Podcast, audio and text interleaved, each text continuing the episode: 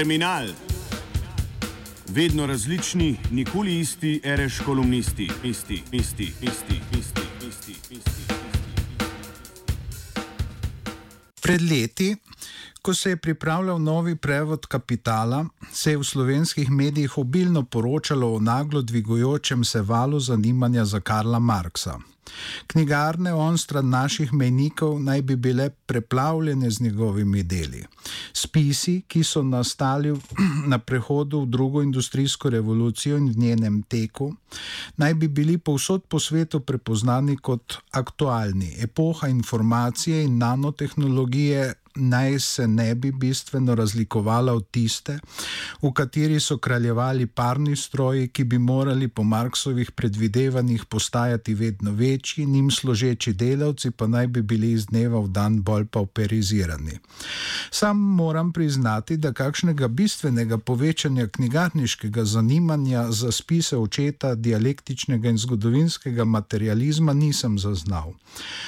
Običajnih prodajalnah z intelektualno robo, naprimer pri Oxfordskem Blackwellu ali Dunajski Moravi, ponudba v tistem času ni bistveno odstopala od običajne.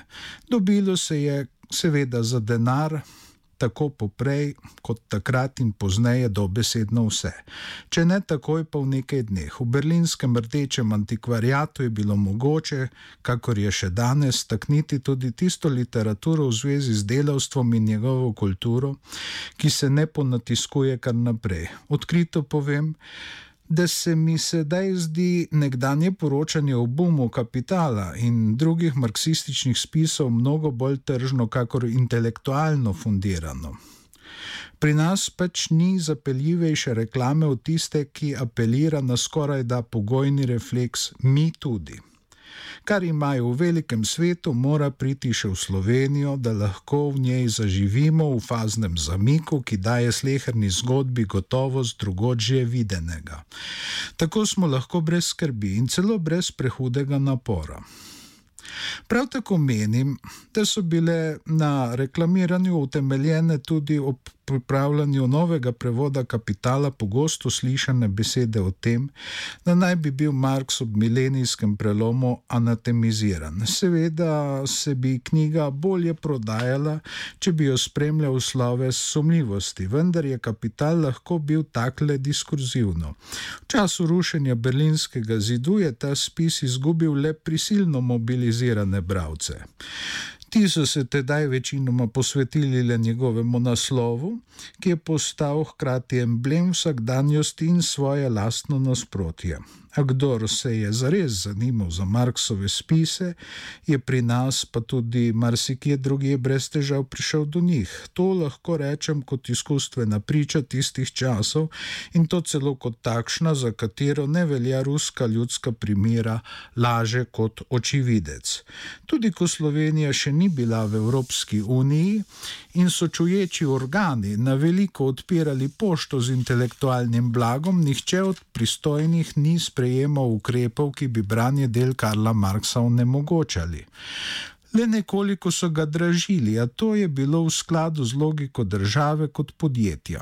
Lahko še povem, da je doba, ko je trg tudi pri nas začel razkladati svoja čuda, branju Marksa celo koristila. Marsikdo se je, tako kot jaz, šele tedaj seznanil z nje njegovimi razmišljanji o višji matematiki in kvazi hajnejanskimi stihi iz knjige Ljubezni.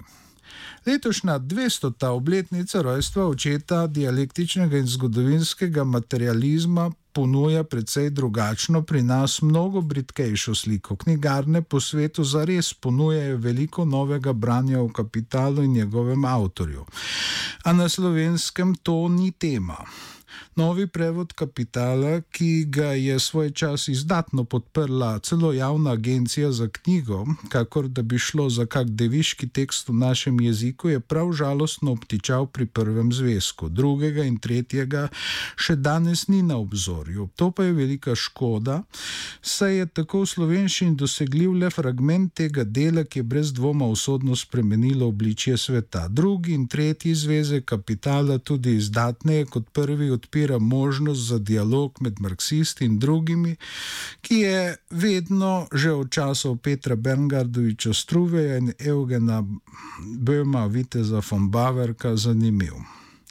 Res je, da se pri kritičnem branju vseh treh delov srednjega Marksovega spisa pokaže nekaj protislovi, vendar to lahko skrbi samo dogmatike, ljudi, ki se bojijo iskati, pa zato zmerom zgolj postulirajo.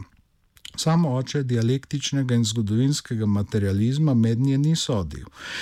In je svoje delo vsaj do neke mere historiziral se pravi povezoval s čisto določenim časom in prostorom. Povedano drugače, nekatere spise je Marx že nekaj let po izidu začel šteti za dokument drugega in drugačnega časa. Tako da nimo v komunističnem manifestu, ki ga je napisal skupaj s svojim prijateljem in finančnim podpornikom Friedrichom Engelsom. Slednji je bodi si njemu osebno ali članom njegove družine po izračunu Tristra Mahanta namenil okoli pol milijona današnjih dolarjev proti vrednosti tedanjega britanskega funta. Ob novičnem nemškem natisu leta 1872 zaradi zgodovinske verodostojnosti ni ničesar spremenil. Ob tem sta avtorja ugotavljala, da bi bilo treba kako posameznost tu in tam izboljšati. Nekatere misli in besede iz tega dokumenta pa sta razglasila že za zastarele. Sedanjost tako niti v tekstni dejanskosti ni gospodovala preteklosti, kakor je sam omenjeni manifest napovedoval za komunizem.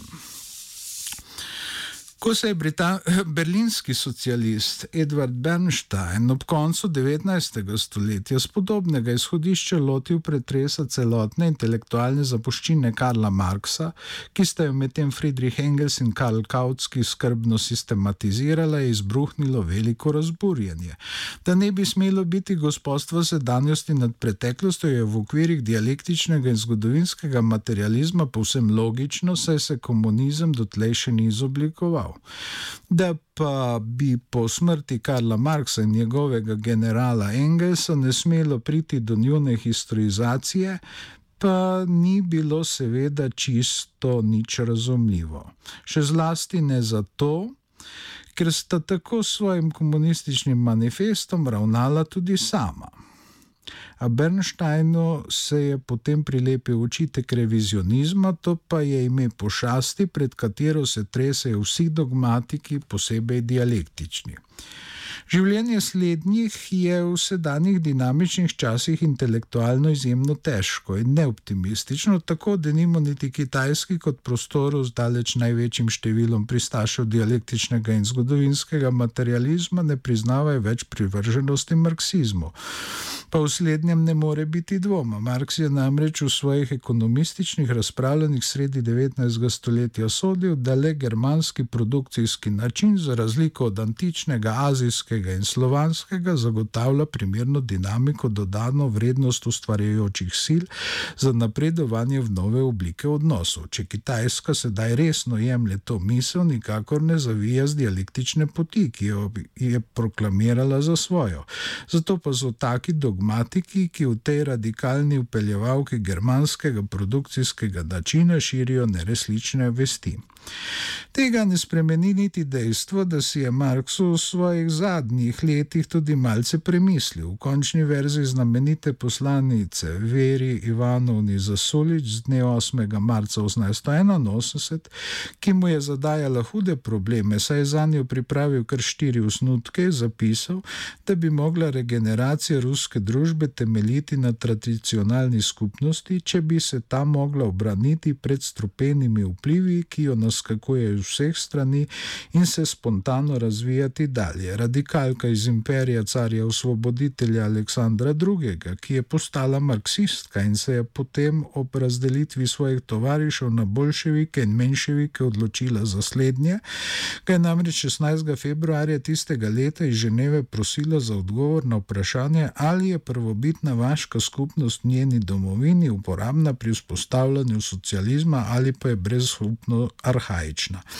Oče dialektičnega in zgodovinskega materializma se historizaciji in hkrati tudi reviziji svojih prejšnjih misli iz temeljnih ekonomističnih razmišljanj, tedaj res ni izmaknil. Je pa zato v svojem odgovoru dal vedeti, da tisto, kar analizira v kapitalu, velja le za Zahodno Evropo in prostore, ki jo posnemajo. Če je torej Kitajska obrala to pot, je tudi po Marksovi poslanici Veri Ivanovni Zasulič na dlani, da ne zavija z poti dialektičnega in historičnega materializma. Vendar je za to spoznanje potrebno kritično branje virov. Samo z eno knjigo se celo v monističnih miselnih sistemih težko kaj upravi, če tudi so dialektični. Še težje pa je to ob soočenju s kapitalom, pa čeprav je pri nas ostal torzičen. Terminal je pripravil Igor Gardina.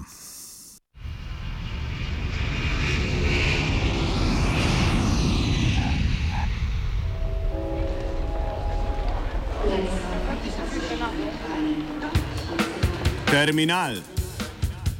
Vedno različni, nikoli isti, reš kolumnisti, isti, isti, isti, isti, isti, isti. isti.